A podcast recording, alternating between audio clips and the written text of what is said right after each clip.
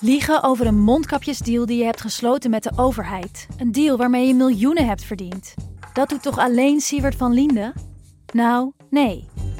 Ik ben Felicia Alberding en in de Mondkapjesmiljonairs duik ik met een team van correspondenten in andere schandalen.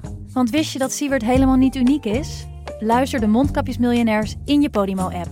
Of ga naar podimo.nl slash mondkapjes. En probeer Podimo 30 dagen.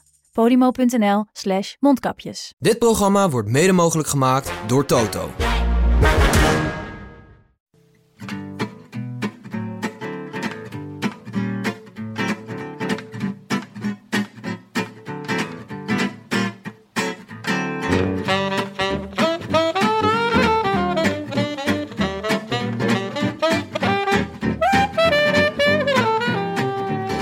Het is donderdag 17 maart, 31 dagen na de rug van Mathieu van der Poel. En live vanuit de studio's van Dag en Nacht Media in Amsterdam-West is dit de Rode Lantaarn.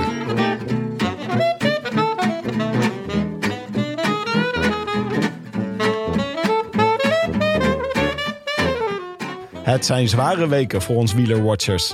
Dit is het meest chaotische deel van het seizoen. Vorige week twee etappekoersen van een week tegelijk. En nu ineens twee sprintkoersen op één dag. Dat valt toch niet meer te volgen? Gelukkig hebben jullie ons om orde in de chaos te scheppen. Strak en georganiseerd, zoals jullie ons kennen. Zullen we de balans opmaken van het voorseizoen tot nu toe. Want het gaat natuurlijk pas echt beginnen dit weekend om de verwarring compleet te maken. Oké, Ordnung moet zijn.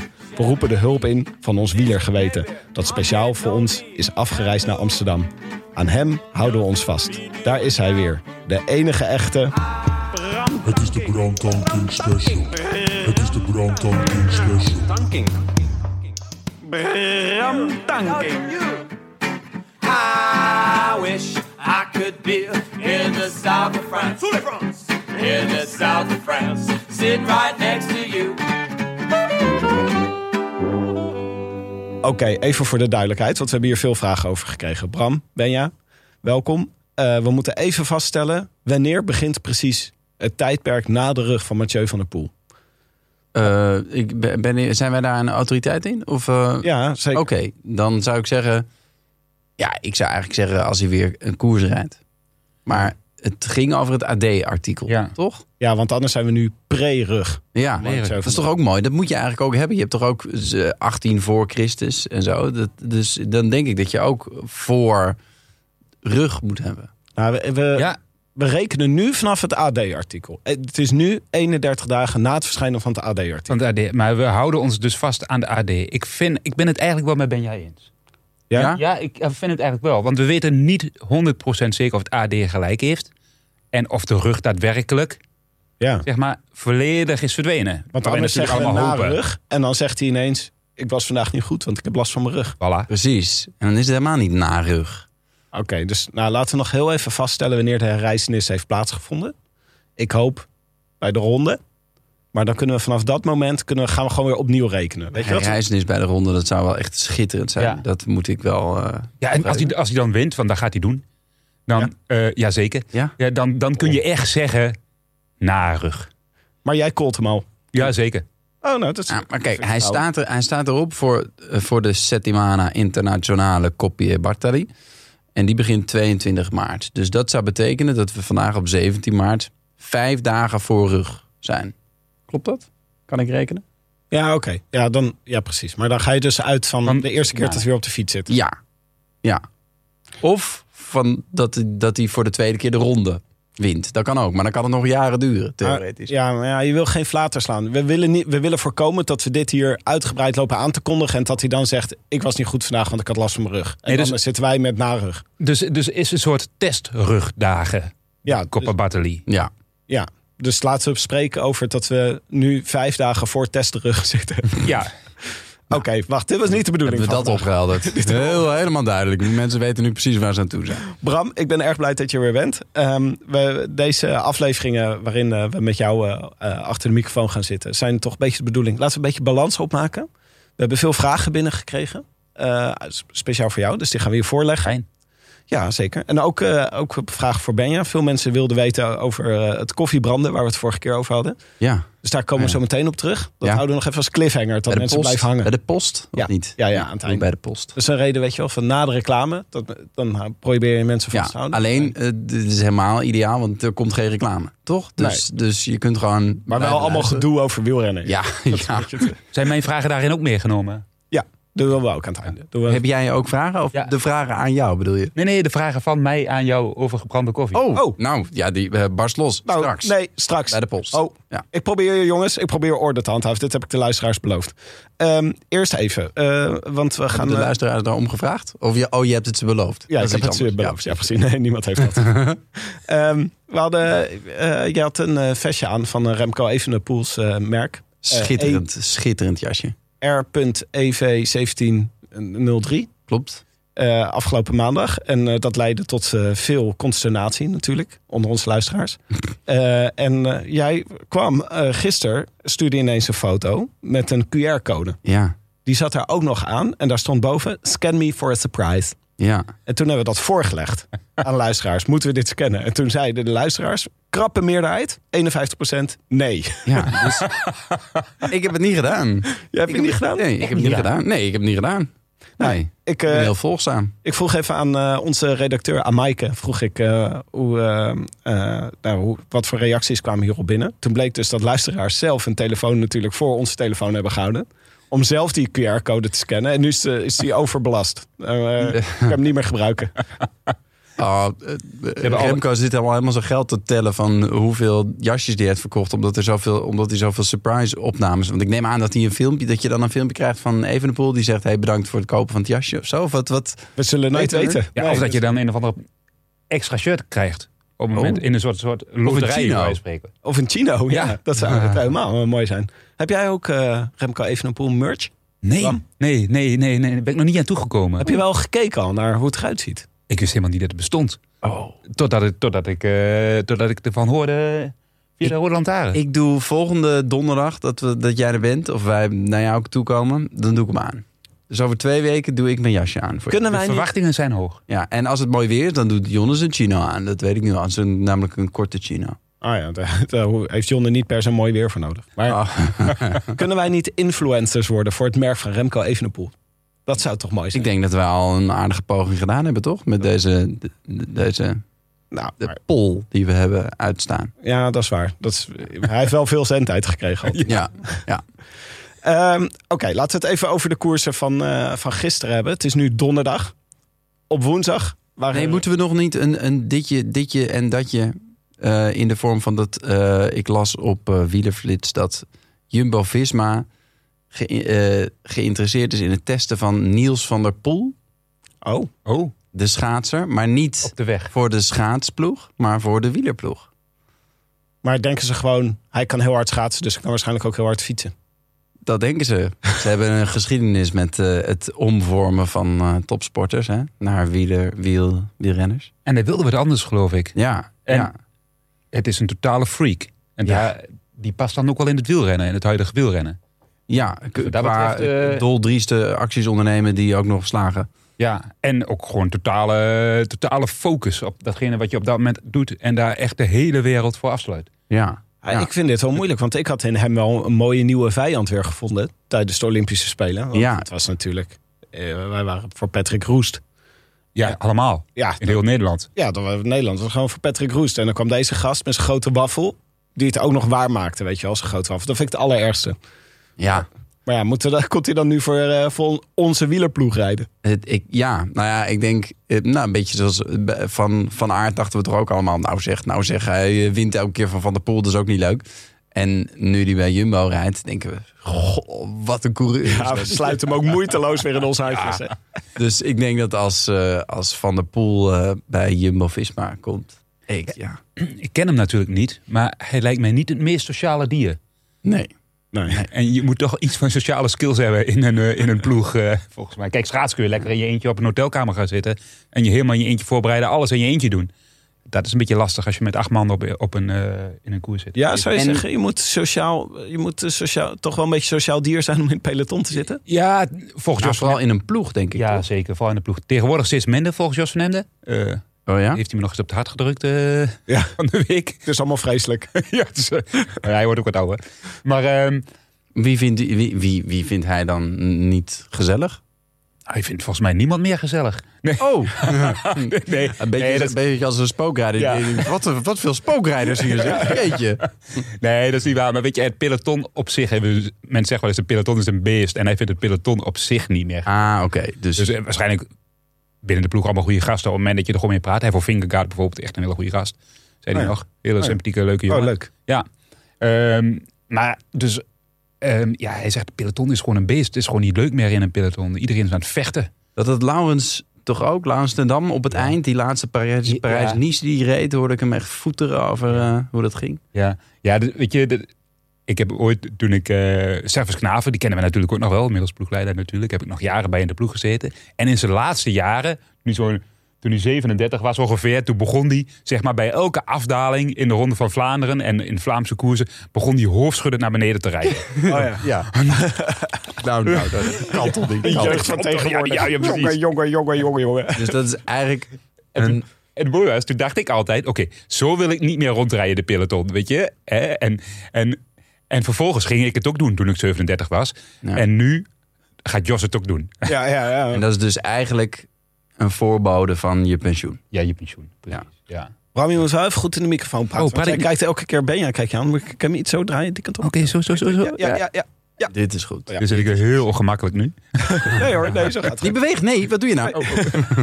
Oké, ik, eh, ik had een paar dingen op het programma staan. We gaan dus eerst even over de koers van gisteren eh, heel even kijken wat er gebeurd is in Nokeren en eh Milaan Terrein. Maar ik wil eigenlijk vooral vooruitblikken op het weekend. Ehm, naar M- Milaan Remo. En eh, ik heb een aantal vragen voor jullie van de luisteraars. Dus dat is wat er vandaag op het programma staat.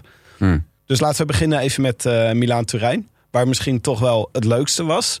Dat we elkaar 's ochtends een postje gingen doorsturen van Bora. Die het parcours van vorig jaar tweette. Toen er nog allemaal bergen in zaten. En zeiden, we zijn er helemaal klaar voor. We hebben er zin in. Want ze hadden ook een hele eh, klimmersequipe me- gestuurd. Ze dachten, Ja. nou, finish op de Superga. Eh daar gaan we, jongens. Maar Kelderman. Ja, maar er stonden dus, het was echt plat was het gewoon gisteren. Het was gewoon een sprintersetappe. Echt, echt plat, ja. Het was ook echt een sprinterskoers. Het was echt heel saai. Ik, heb het, ik, ik had overdag afspraken, dus ik heb het s'avonds teruggekeken. Nou, er was echt werkelijk niets aan, toch? Laatste vier kilometer had je genoeg gezien. eh. Ja, Denk ik. ja. Maar het was, wel, eh, het was inderdaad wel grappig, want ik had dat tweetje ook gezien. En ik dacht, ehm, later eigenlijk, maar toen... ehm, ik zat in de auto en ik stuurde een berichtje. En Karsten stuurde mij een berichtje. Hij wilde waarschijnlijk wat informatie voor tijdens de koers, tijdens de dingen. Dus hij stuurde een berichtje over Rosselaar. Ik weet niet of ze het erover gehad hebben. Ja, ja. Jij heeft het erover gehad? Ja, Ja. over de velgen. Over de velgen van Rosselaar, ja. En, ehm, ehm, maar de- dus toen dacht ik, en toen belde ik hem terug. Maar toen stuurde hij een fotootje dat hij in de opname zat. Dus dacht ik, oh, koers. En toen vroeg ik, welke koers? Milaan-Turijn. Dacht ik, oh, klimmen. maar dat was natuurlijk gewoon vlak, was gewoon een sprint. Dus, j- jij zit eigenlijk eh, in de ploegleiding van Bora. Van Bora. Had je moeiteloos meegekund Ja, op dat niveau. Ja, ja. precies. Maar is het, eh, heb je hem vaak gereden, Milaan Terrein? Nooit. Nooit. Nee, niks aan gemist. Nou, maar het lijkt me ook. Dit, als ik dit soort dingen zie, dan denk ik. eh, Het leven van een wielrenner moet toch ook af en toe vreselijk zijn. Want ik, wij zijn wel eens in de koers geweest. Gewoon de praktische hessel om gewoon in een koers te zitten is al best wel groot. Weet je wel, met al die fietsen naartoe, met de hele equipe naartoe, veel reizen. En dan zo'n Milaan Turijn, daar rijdt Kelderman. eh, Die rijdt daar rond, die is gewoon een soort opvulvee. Is die, Ja. in Ja. die koers. ja. Dat is, toch, dat is toch afschuwelijk? Dat is gewoon dat je denkt. Ja, Maar ik heb, het voor lijkt mij me is nog wel wel leuk. erger, ook als je denkt dat je om de knikkers mee kan doen. Dat je denkt, oeh, eh, punchy finish, leuk, daar ben ik bij. En dat, Ja. je, dat, dan, dat dan blijkt als je op een gegeven moment denkt van... Nou, de hele peloton op een lint, al die rotondes, wat, wat, eh, jongens, wat gaan we hier doen? Maar Bram, Dat wat, je wat, de Cavendish naar voren ziet schuiven. Dat je, wat, wat deed jij dan in dit soort koersen? Dan, eh, want jij moest vast ook wel eens van dit soort Oh. opvulkoersen rijden. Ja, echt, dat is echt vervelend gewoon. Er zijn dus heel veel dagen gewoon echt saai in een peloton. Zulke, zulke sprintetappes. En, en dan, kijk, je hebt in, in een etappekoers heel veel sprintetappes. Nou, dat weet je van tevoren ook al. Dit wordt heel lang, heel saai. Daar ben je echt de kilometers aan het aftellen. ja. Eh, totdat je maar die, en dan wordt het de laatste 20 kilometer, komt er wat, wat, wat swoon in het peloton en dan begint het een beetje te rijden. En dan kun je nog iets van een soort van adrenaline rush ervaren als je een keer met z'n allen op een rotonde afstuift en het gaat net wel goed. maar ehm, voor de rest, nee, dat zijn gewoon dodelijke dagen. En dan moet je maar het grote plaatje in je achterhoofd nemen. Oké, ik doe dit om beter te worden richting de volgende koers.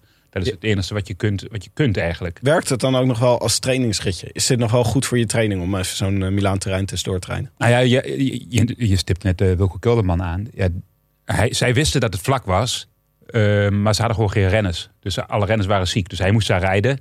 Ah, ja. Um, en ze gingen sowieso een aantal dagen uit de Giro verkennen. Dus op dat moment, als je dat gedaan hebt, zeg maar, je hebt, uh, de, je hebt een week etappekoers gehad, een paar dagen verkennen, dan is dit eigenlijk een extra koersje, gewoon een, een trainingsdagje, ru, een extra rustdagje. Want ik denk niet dat hij zich heel erg heeft moeten inspannen. Ah, Bora gaat dan gewoon, omdat ze toch in Italië zijn, gaan ze wat verkennen voor de Giro. Ben je toch in de buurt, kun je Ja. toch dit ook wel rijden. Ja, en dan is het gewoon een nuttige met het, uh, nuttig met het onaangename. Verenigen. Maar ik denk in het geval van Kelderman, denk ik juist, laat hem zo min mogelijk van dit soort koersen rijden. Want de kans dat hij weer net in die ene valpartij belandt, ja. is toch wel groot. Dus in het geval van Kelderman, denk ik, bubbeltjes plastic eromheen, thuis zitten. zo lang mogelijk. maar ik ben blij dat het in niet geval is. Het werd dus ook gewoon sprinten. Ehm, het was wel, eh, ik vond het, wat ik, eh, wat ik dan leuk vind, is dat eh, Direct Energy van Sagan, vol bombari, Totaal. Total Energy, eh, met zijn vol bombari kilometers voorop rijdt. Ja. En nou, de manier waarop Sagan deze sprint deed, dat, dat getuigt er niet van. Ik doe, echt, ik doe hier echt aan mee. Ik doe je heel erg mijn best. Nou, Die heeft zijn zadel uit. Hij, was gewoon, hij kwam wel een beetje opgesloten te zitten. Ja, hij zat een beetje vast. Ja, ja. maar het, ik moet zeggen, toen hij de laatste bocht indraaide, toen dacht ik wel, nou, hij, hij, hij zat er wel ontspannen bij. Ja, hij zat er Dus buitengewoon ontspannen bij. Hij zat er echt heel ontspannen bij. te- Nee, maar je, maar je zag een paar andere gasten die echt volledig aan blok zaten op dat moment. Ja. Dat je dacht, nou, dit zou nog wel eens, zeg maar, het zou, zou het nog weer gebeuren? Nee, het gebeurde toch Nee, weer niet. maar- zijn snelheid is dus is is gewoon laag. te, te laag. Ja. Maar hij is, lijkt dus conditioneel wel, wel redelijk op niveau te zijn, bedoel je eigenlijk te zeggen. Ja, nou, dat, dat hij er gewoon ja, vooral ontspannen bij zat. Ja, conditioneel kun je misschien niet zo heel veel zeggen, omdat het waarschijnlijk geen zware koers was, zeg maar. Nee. Dus ehm, het, toch is het bijzonder hè, dat we dan zeggen, hij is, dat, dat Sagan, hij is het niet meer. Hij, hij mist die explosiviteit, maar hij wordt ook al wat ouder. Maar ja, dan zie je de winnaar. Ja. Zo, Ja, 36, 37, wat is hij? ja. Cavendish. Cavendish. Hoe goed kun je Heb jij zijn? nog met hem in de ploeg gezeten? Nee, maar Cavendish heb ik nooit in de ploeg gezeten. Nee. Wel, eh, wel veel tegen hem gesprint. Veel naar zijn achterwiel gekeken in die sprintje. Ehm, maar is- over Cavendish, die was ook weer blij hè? Ja, dat was toch fantastisch. Zo, hij, ging, hij, hij, hij probeerde al zijn ploeggenoten te zoenen eigenlijk. Die draaiden dan net op tijd hun, hun, hun mond weg. Zo. Anders was het gewoon tongen geweest. Ja, echt. Hij was er volgens mij toe in staat. Hij wilde ze allemaal tongen. En hij bleef bezig, hè? Ja, en, dan, en dan was, het- waren ze op een gegeven moment allemaal weg. En dan zag je hem echt zo om zich heen kijken. Zo van, wie, wie, wie, wie? Iemand, kom hier, kom hier. Ja, maar dit is allemaal campagne voeren. Hè? Dit is allemaal van hem campagne voeren, zodat hij naar de Tour mag en niet Jacobsen.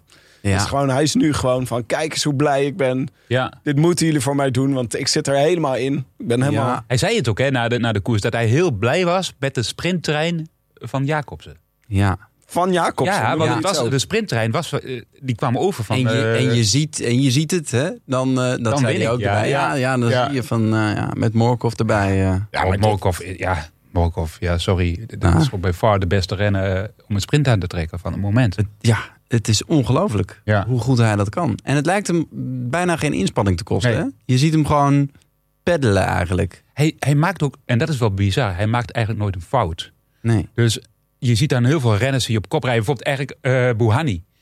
Die werd afgezet. Nou, dat ik echt dacht, hoezo? Die, die jongen die reed op kop. Ja. En die ging na de bocht. Dacht hij, zo, mijn werk zit erop. Ja. Hup, en ging naar rechts. Hij was waarschijnlijk ook helemaal afgedraaid. kreeg ook helemaal een shot van de regisseur. Ja. Terwijl het peloton aanging, weet je wel. Dan kreeg je helemaal een shot van een renner die afzwaaide. Vond ik heel irritant, maar goed. eh, Ja, en toen, en toen eh, zat, zat er dan, eh, toen zat Bouhanni in zijn wiel. En die moest nog 350 meter Ja. naar de finish. Nou. Ja, dan kun je geen renner afzetten. Dus vervolgens dacht hij, oh, dan moet ik toch maar even doorrijden. En ja, toen viel hij natuurlijk helemaal stil. En Ja. Bouhanni was gewoon daar al geklopt, zeg maar. Wel tweede geworden nog uiteindelijk. Ja, dat, dat was toch knap ook, want hij kwam nog weer terug in die sprint. Maar ehm, dan zie je dan Morkov zo heel relaxed van achter komen. Zo met Kev in zijn wiel en wop. En, en het mooie was, dan sprint hij, dat, hij... Hij trekt die sprint aan, maar dan sprint hij door naast eh Cavendish. Om eigenlijk, daarmee hindert hij ook Ja. potentieel renners die van rechts achter Cavendish voorbij willen steken. Ja, dat ging Zeker, want hij was weer een lekker ook, eh, kronkelende slang trouwens. Het, eh, het ging weer van links Ja. naar rechts. eh, Ja. Ouderwetse, ouderwetse slang inderdaad. ja. Maar het is wel leuk om het nog even terug te kijken. En te letten inderdaad op het koppeltje Morkov en eh, Cavendish. Die eigenlijk pas op 300 meter of zo komen ze pas eh, helemaal eh, voorin te zitten. Want daarvoor rijden ze gewoon ergens rond de tiende plek. Ja, Het is echt perfect getimed. Minimaal aantal meters in de wind. Ja, Cavendish zei ook dat hij, dat hij nog wel langer in het wiel had kunnen blijven van Morkov. Zo hard ging hij. Hij ging gewoon Ja. hard genoeg. Maar op een gegeven moment dacht hij, ja, het is nou nog 150 meter. Dan ga ik zelf op kop rijden. Ja, anders wint Morkov nog. Ja, ja. Ik bedoel, Kevin is wel blij met zijn teamgenoten, maar ze moeten niet voor hem over de finish komen natuurlijk. Eh, het was, ehm Nokere was eh, vlak daarna, of was nou daarvoor? nee, daarna was het daarna was uh, Nokere. Ja. Ja. Ja. dat, was, eh, dat is dan met die kassei-sprint. Eh, dat is wel ook altijd nog wel leuk te, om te zien. We hebben ooit een aflevering gemaakt met Fabio Jacobsen... waarin hij vertelt over zijn overwinningen bij eh Nokere. En daar omschrijft hij heel mooi wat voor strategie je moet hebben. Want je moet gewoon na één specifieke bocht... vlak voor de finish moet je op de goede plek zitten. ja. En eh, Tim Merlier die dacht hier gewoon... ik rij gewoon vlak voor die bocht keihard weg. en niemand kon meer...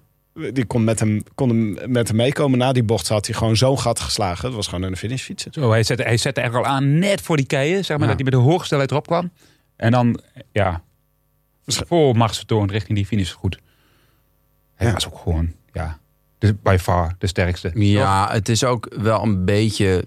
zowel in Milaan-Turijn, Cavendish... als eh, in Nokere koersen, Merlier... wel de grote favoriet die gewoon Ja. intrinsiek de snelste is. Dus als er dan niks misgaat, dan, dan wint hij gewoon. En dat, dat zag je ook, dat, dat de rest eh, stond niet op de foto. Walscheid nog eh, met voor het eerst in tijden voor mijn gevoel met een resultaat in een sprint. Ja. Hij heeft zich wat meer op het tijdrijden Ja, de- eh, gestort. Met, eh, op advies van eh, Victor Kampenaar, Ja. begreep ik. Ja. Die in een heel andere ploeg zit. Een rare kwiet. ja, Ja, wat jij dat moet is doen, nog tijdrijden. uit vorig gezamenlijke tijd bij Ja. eh, BK. Oh, wat mooi. Ja, die was, eh, eh, die, die was de enige die nog een beetje mee kon met Melier. Dus Ja. die rijdt nu in de Zwitserse kampioenstrui? Of wat heeft? Nee, het is een Duitser, dus het lijkt me bijzonder vreemd. Oh ja, maar, dat is die trui die hij aan heeft. Is, eh, Ja, hij is. De Cofidis. Oh, dat is Cofidis. Dat is Ja. verwarrend. Ja. Maar. Het lijkt er wel een beetje op van boven natuurlijk. Ja. En eh, derde, Arnaud de Lie. Dat is toch Ja. nog wel eventjes eh, Zo. het vermelden waard. Dat is een groot talent. Die is Ja. 20 geworden, gisteren. Oh, Derde op zijn verjaardag. Ja. En eh, een goede sprinter wordt dat. Heeft ook al een koers gewonnen dit jaar. Ja, ehm, wat was het? Ja. Niet de... Jawel, de, de Samin? Nee, de Nee, Samin? nee. De andere, de, de, de- die, die koers daarna. Maar ehm, het is wel... Ik zoek het voor jullie op, jongens. Ah, tingelingelingeling. Grote prijs Jean-Pierre Monserrat. Oh, precies, Voilà, ja. die. Maar ja is, Ja. Het dan, is het dan de J van Jean of de P van Pierre of de M van Montserrat?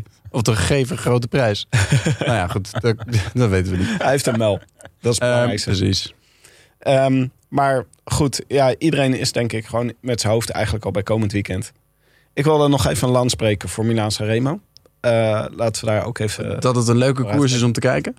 Het is toch gewoon... Ik heb er zoveel zin in. Ja. Ja, ik heb er echt zoveel zin in. En? Ja. ja. ik vind dat dus echt een heel leuk monument. Eh, ook omdat gewoon eh, iedereen kan winnen. Er zijn een heleboel scenario's. Want als je gewoon kijkt naar de winnaars van de afgelopen jaren... eh, dan is er... eh, je hebt Nibali gehad die in de afdaling ontsnapte. Je kan op de Poggio wegrijden. Je hebt sprinters die ineens op de Poggio dan wel meekomen. Dan wordt het sprinten. Maar vorig jaar was het eigenlijk na de Poggio ontsnappen. Ja. Dus er zijn zoveel verschillende scenario's... waarin die finale zich kan eh, eh, uitspelen. In zekere zin heb je helemaal gelijk. Is het eigenlijk wielrennen in optima forma. Het is, het is slow tv, dus je zit de hele tijd te kijken en er gebeurt niks. Maar elk moment kan er iets gebeuren. Elk moment kan de beslissende slag geslagen worden.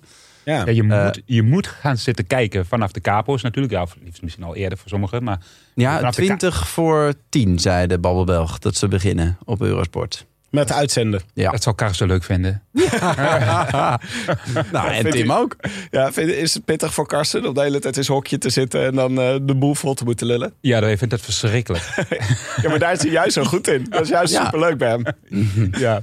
Hij, zegt, ja, het is echt, echt dodelijk. Zeker zo'n Giro de hele dagen. Hij zegt, ja, als dat nog een week langer duurt, dan ben ik er niet meer. Oh, ik verheug mij wel. Ik, denk, ik ga zeg maar tegen Karsten dat hij aan mij in ieder geval een eh, trouwe luisteraar heeft. Die gewoon, eh, ik ga gewoon kijken vroeg eh, zaterdag. Oh, maar, maar het begint dus met de Trek Capi. Drie kleine klimmetjes waar eigenlijk vrijwel nooit wat gebeurt, toch? Ja, maar wel, die wel die, dat, is echt, dat is echt mooi. Daar weet je hoe goed je bent. Op die eerste kapi. Oh ja. Daar omhoog rijdt en je hebt goede benen en je voelt je benen niet. Dan zeg je, Ja? dan ga je, dan, Ah, ja. dan- Dat is goed, toch? Dat je benen niet voelt. ja, als je benen niet voelt, is, is, is goed. Ja, ze mogen wel een beetje, beetje, een beetje spanning geven zo, maar eh, dan, dan- ja, weet je, dan heb je al echt heel lang op de fiets gezeten. Dus dan weet je of je ze al een beetje kapot hebt gereden of juist niet. Of dat je dus inderdaad over de superbenen beschikt die dag. Ja. Ah, ja. Dat zegt niks over je einduitslag natuurlijk. Nee. In mijn geval. Ah. Maar eh, ook voor heel veel andere renners. Maar het is een indicatie. Ik vind het zo grappig aan wielrennen dat je dus. Je, je zal nooit een voetballer horen zeggen van. Ja, ik was echt goed vandaag. Ik was echt goed. Ja, het is jammer dat het resultaat tegenvalt, maar ik was echt goed. Ja. Maar dat je. Een wielrenner kan gewoon voelen of hij goed is of niet. Voor zijn, ei- in zijn eigen eh, doen. Hè? Ik bedoel, Ja. de, als eh eh, eh, Cavendish goed is, dan is hij beter dan als eh, Ben Swift goed is. Maar ik bedoel, dat je kan voelen hoe je vorm is Ja. bij, bij voetbal is dat dan toch meer. Ja, je hebt het gevoel dat je er wel lekker in zit. Maar ja, gaat hij er binnenkant paal in of binnenkant eh, buitenkant paal uit? Ja, dat, dat, dat. Ik weet niet. Het is minder objectief vast te stellen als het ware. Je, je- en je zal het een voetballer nooit horen zeggen. Ik was echt goed vandaag. Goed balgevoel. Ja, ja, ik had Goed balgevoel vandaag. terwijl een wielrenner kan wel aannemen. Ja. Ja, ik was, ja, ik was echt goed vandaag. Dat Ja. vind ik zo grappig eh, aan wielrennen. Het is ook een, eh, het is ook een manier om psychologische oorlog te voeren natuurlijk. Want je kan dus, het is altijd raden, vooral in een etappekoers, of iemand dus ook echt goed is. Of dat je hem hebt zien kraken. Bijvoorbeeld vorig jaar toen Vingegaard bij Pogacar wegreed in de Tour. Ja, Toen dachten we allemaal, is hij nou, betekent dit nou dat hij slecht is? Ja. Of heeft hij gewoon laten gaan? Eh, je, je kan er mee spelen om ja. de tegenstander Ja, dat is heerlijk, ja. Klopt. Het, in de ogen te schooien. het, het is ook natuurlijk een constant spelletje voor de commentatoren om te kijken of te zien, zeg maar, of juist te bevestigen of eigenlijk Ja. of te ontkrachten of iemand goed is. Want daar, daar, daar hoor je ook de hele, de hele tijd. Ja, hij ziet er goed uit. Ja, ja, ja. ja, de- de- Ja. ja, die is echt goed vandaag. Hij ademt niet. Hij ademt niet. Ja, bij sommige renners die ademen nooit. Maar die, die kunnen wel zonder ademen gelost worden. Ja, Koes bijvoorbeeld is zo'n redder. Ja. Dat je denkt, zo, hij is goed zeg. Zo, oh, hij gaat eraf. Ja, Ja, ja, ja. Dus meestal met Maarten Ducro. Dat is mijn favoriet bij Maarten Ducro. Dus die, gaat er altijd, die gaat er net iets te, met iets te veel zelfvertrouwen in. Dus die zegt dan, Bram Tankink, hier, die zag ik net uh, Trekapi oprijden. Die is echt goed hoor, dat ga je zien. En dan Bram Tankink Het volgende shot. Die zat er echt niet in. Maar heb, wanneer heb jij hem voor het eerst eh, gereden, Sanremo? 2003. Oh, dat is wel eh, al lang geleden. Is- ik, ik denk dat er sommige luisteraars toen nog niet geboren waren. Met wie was je daar toen? Ehm goh, toen was ik met Bettini en Paulini. En Bonen en, en eh, Michael Rotjes. Oh, met Quickstep. Oh ja, met Quickstep, ja. En eh, dat, was het, dat was eigenlijk... Maar ja, ik, het was, een, eh, het, was de, het kantelpunt in mijn carrière. Hoezo? Dat is, een- dat is een eh, iets wat langer verhaal. Maar ehm, ehm, moet ik beginnen? Nou, dan moet ik beginnen. Even terug, de outlines. Ja, dan- Ja, mag? Mag Ja? ja? Ja, ik ja, het ben je knippen en dat stoppen we in de volgende podcast. Heb je deze ooit- podcast te laat doen. Ja, ja, heb je ooit in de Rode Lantaarn ons horen zeggen... nee jongens, dit is te uitgebreid? Nee? Jou wel, Tim. Ja, Jou oh horen dat is zeggen. waar, ja. Nee, ik reed toen, ik reed toen eh, ik was in mijn derde jaar hè, van, van, eh, van mijn profrenner eh, carrière. En ik reed toen eh, de driedaagse van West-Vlaanderen. En ik stond, en de driedaagse van West-Vlaanderen is in, het, in hetzelfde weekend als Parijs-Nice start toen. En Oké. die Reno start dan op woensdag toen. Ja. Dus, maar in die driedaagse van West-Vlaanderen hoorde, hoorde ik, je staat reserve voor eh Parijs-Nice en voor Tirreno. Dus als er ergens een renner uitvalt, moet jij daar naartoe. Nou, en ik reed, ik reed dus eh driedaagse van West-Vlaanderen, had overigens eh, reed ik best wel aardig. En ik ging naar huis zondagavond. Parijs-Nice was gestart, dus daar hoefde ik niet meer te starten. En ik kom thuis maandaga- maandagavond. Eh, en ik zit op de bank. Nou, ze hadden niet gebeld. Opeens telefoon. Ik denk, oh, dat zul je ze hebben. Nou, nee. Een vriend van mij. Hey Bram, ga je mee karten? Ik denk, nou ja, hartstikke leuk. Ik weer karten. Het was onbeperkt karten in eh Enschede. Er was een, eh, een of andere kartbaan geopend. En het was op een maandagavond. Nou, er was echt helemaal niemand. Dus wij komen daar om acht uur s'avonds komen we eraan. Half acht. En eh, we, starten die, we stappen die kaarts in. En er was onbeperkt kaarten. en er was niemand. Dus wij de hele avond in die kaartjes, jongen. Maar eh, echt, eh, van die kuipjes, weet je wel. Echt knijterhard. Leuk, toch? Ja, super, leuk. super leuk, super tof. Dus ik stap om half twaalf die kaarts uit. En ik kijk op mijn mobiel. 20 gemiste oproepen. Ja. Padlef, ja. padlef, padlef, padlef. ja, en, en de ene helft was van de ploegleider Wilfried Peters. En de andere helft was van mijn moeder. Dus ik denk, nou, dan bel ik eerst mijn moeder. En eh, ik zeg, eh, mama, ik zeg, eh, wat is er? Ja, Wilfried Peters heeft gebeld. Oh. Je moet naar de Tireno. Oh shit. Ik zeg, wat heb je gezegd? Ik heb gezegd dat jij de kaarten was. Oh, je, Oh, nee. Ja, maar ze bellen gewoon je moeder. Dus je woonde nog thuis toen, op dat moment. Ja, ik woonde toen nog thuis. Dus toen, Ja, in belden ze gewoon, toen belden ze gewoon naar je huisadres. Ja, ja er was dat in, in die tijd hadden de meeste mensen nog een vaste telefoon. En de mobiel was niet, ja, niet iedereen altijd bij zich. Dus, dus ja, dus ik, eh, ik bel vervolgens Wilfried Peters. En die zegt, ja Bram, je moet naar Tireno. Maar gaat het nog lukken? Want je bent aan de kaarten, geloof ik. Ik zo, ja, nee, nee, nee, gaat wel lukken. Hij zo, dan moet je morgen vroeg om acht uur in Brussel zijn. Haaksbergen, Brussel, drie uur rijden. Oei, half twaalf. Ik snel naar huis, koffer gepakt. En ik kom daaraan op eh, Brussel Airport. En het mooie was, staat Jo Museo. Was toen hè, de leeuw van Vlaanderen. En die staat, allee, zet je met de kookkaart? ja, al. Maar ik had dus echt... de- Dus, Dus het, ja, iedereen wist het. Iedereen wist het. En ik kon niet eens tegen een rugleuning van een stoel aan zitten. Zo blauw was die rug. Dat was echt... En dus ik kon er niet masseren. En daar zitten mannen die zaten te lachen met mij. Maar de allereerste dag wint eh, Bettini wint de allereerste etappe. Dus we hadden het geel. En dat ging de hele week zo door. Toen won Pozzato of Paulini. En we hadden een fantastische week. En ik heb de hele week op kop gereden. En ehm, uiteindelijk, aan het eind van de week, zei eh, Bettini... Die, die wilde echt Milan Sanremo winnen. En die zei, ik wil Bram meenemen naar Milan Sanremo. Omdat jij zo goed gereden had. Ja, omdat ik zo goed gereden had en ook de hele week op kop had gereden. Dus ik mocht mee naar Milan Sanremo. Samen met Bonen en Rotjes. We hebben toen de hele dag op kop gereden. En uiteindelijk wint Bettini. Nou, dat was fantastisch, jongen. Want Wauw. dat was de droomkoers van Bettini om te winnen natuurlijk voor het Italiaanse volk. Ja. En Paulini werd nog eens, dat ook bij ons in de ploeg, werd nog eens derde. Dus ik kom daar over de finish, jongen. En hij sprong me om de armen en s'avonds champagne erbij. En het was echt, ja, dat was voor mij echt een eye-opener. Maar ook tegelijkertijd, als ik toen niet had teruggebeld, was mijn carrière gewoon afgelopen. Ja? Hè, ja, tuurlijk, want dan ja, was hier Bram mee bezig. Die is helemaal niet bezig als wielrenner. Die zit, eh zit al een beetje te kaarten s'avonds en die komt niet op koersen. Dus Ja, en je bedoelt, dan had je niet zo goed gereden daar in de Tirreno. Eh, en was je niet meegenomen naar Sanremo. precies. En, en, dan, en dan was mijn carrière gewoon, eh, gewoon klaar. En, en vervolgens mocht ik naar alle klassiekers in dat voorjaar. Dus ik reed, ik reed uiteindelijk Roubaix, volgens mij reed eh, Vlaanderen. En ik reed, ik reed Amstel, ik reed Luik. En overal, overal werd ik ingezet als de, de renner die op kop reed. En toen ben ik ook naar België verhuisd. En toen heb ik gezegd, om die reden, dit gaat me niet nog een keer gebeuren. Nu ga ik naar België en nu ga ik trainen als een prof en leven als een prof. Oh, Dus dat, is, eh, dat was eigenlijk de, de, Ja, wat en- goed. Ja, ja, dat ja. was de vonk, eh, zeg maar, Ja, die, dat was- ja. die nodig was om je carrière echt van start te laten. Ja, dat was echt, echt het eh, de kant op punt. Dus Wij moesten op de toneelschool moesten we soms in onze ontwikkeling als kunstenaar nadenken over defining moments, dat soort dingen. Dus wanneer je nou besloot om eh, voor het acteren te gaan, of wanneer je nou gegrepen werd door theater of, of eh, dat soort dingen. Maar dit, is, dit was dus jouw defining moment, dat je Ja. echt wielrenner eh, ging worden, was omdat je de hele avond gekart hebt. Dat is eigenlijk de samenvatting van het verhaal. ja, dus eigenlijk is karten gewoon heel goed voor je carrière. Wat, Ja, heb, dus- jij, heb jij dat ook? eh Karten? Nee, ik heb nog nooit gekart. Misschien dat het dan nog wat wordt. Defining moment. defining moment, ja. ja Was dat Christophe inspreken? Nee. Dat je toen dacht, dit is het. Later meer over mijn defining moments. oké. Zullen we die, ja, bewaren die voor, een, eh, voor de volgende keer als we met Bram zitten, dan eh, vraag ik naar jou. Naar je Oké, defining dat goed. Ja. Maar deze Milan Sanremo, toen met Bettini, hoe hebben jullie die toen gewonnen? Weet je dat nog? Bettini reed weg. Samen met, ehm, ik geloof, eh, met z'n drieën reden ze weg. Zat daar Simoni niet bij? Nee, nee, nee, nee, nee, nee. Celes, Celes, Celestino. Ja, Klopt, hè? ja. Weg, Hey. En ze reden weg op de En ze reden weg op de potjo, met z'n drieën. Celestino. Ja. En ehm, ja, Bettini won en eh, Paulini werd derde. Maar dat was dus ontsnappen op de Poggio en dan sprinten aan het En de einde. sprinten, ja. En ik weet nog dat ik, dat ik ja, ik had ook, toen, had ik, toen had ik dus echt goede benen zo, hè, op die Ja, ja. En ik had al de hele dag op kop gereden. En ik zat er gewoon nog bij in die groep erachter. Over de potjo.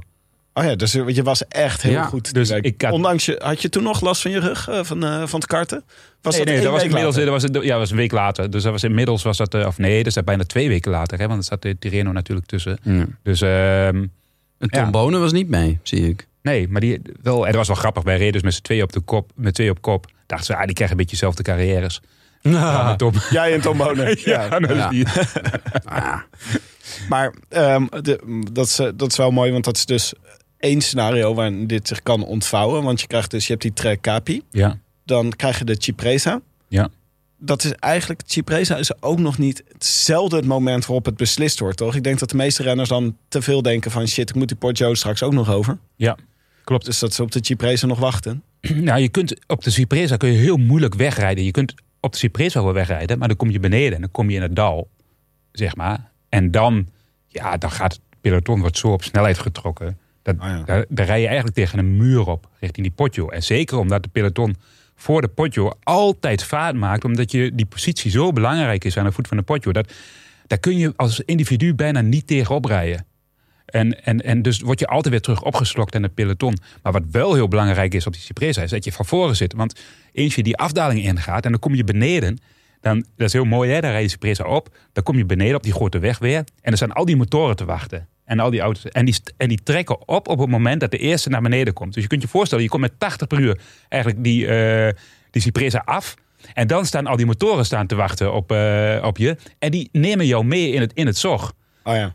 Jongen, dan, dan vlieg je die eerste kilometer, die krijg je cadeau. Maar als, zo'n peloton, als dat peloton compleet is, achteraan moet je 90 rijden bijna om het wiel te houden. Dus dat lukt nooit. Dus vaak breekt dat peloton direct naar de Cipresa. en, en daarom is die eh, positie heel belangrijk. ja, ja, ja. Daar was jij dus ook voor, voor dat stuk van het dal. Dan, eh, dat was waar jij je kopwerk deed?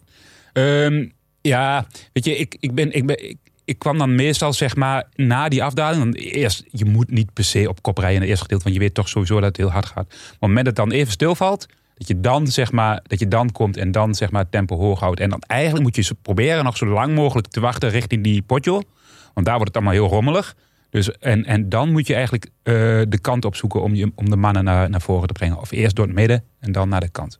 Want dat is ook volgens mij een van de dingen die ik dus mooi vind aan Milaan Sanremo. Is de strategie. Je moet echt strategisch op de goede plek zitten. Ja, Eh, ik weet nog, Mathieu van der Poel was volgens mij vorig jaar... dat hij ook zei van ik zat gewoon al onderaan de Poggio niet op de goede plek. Dus ik had te ver naar achter. Mathieu van der Poel heeft ook een beetje een handje van om de hele tijd Ja, naar achter te ja. zitten. ja. Maar wat moet je dan doen als, eh, als ploeg om op de goede plek te komen? Is dan, hebben jullie dan echt een organisatie Door van het midden Ja. en dan naar de ja, zijkant. Ja, ja, dus. ja.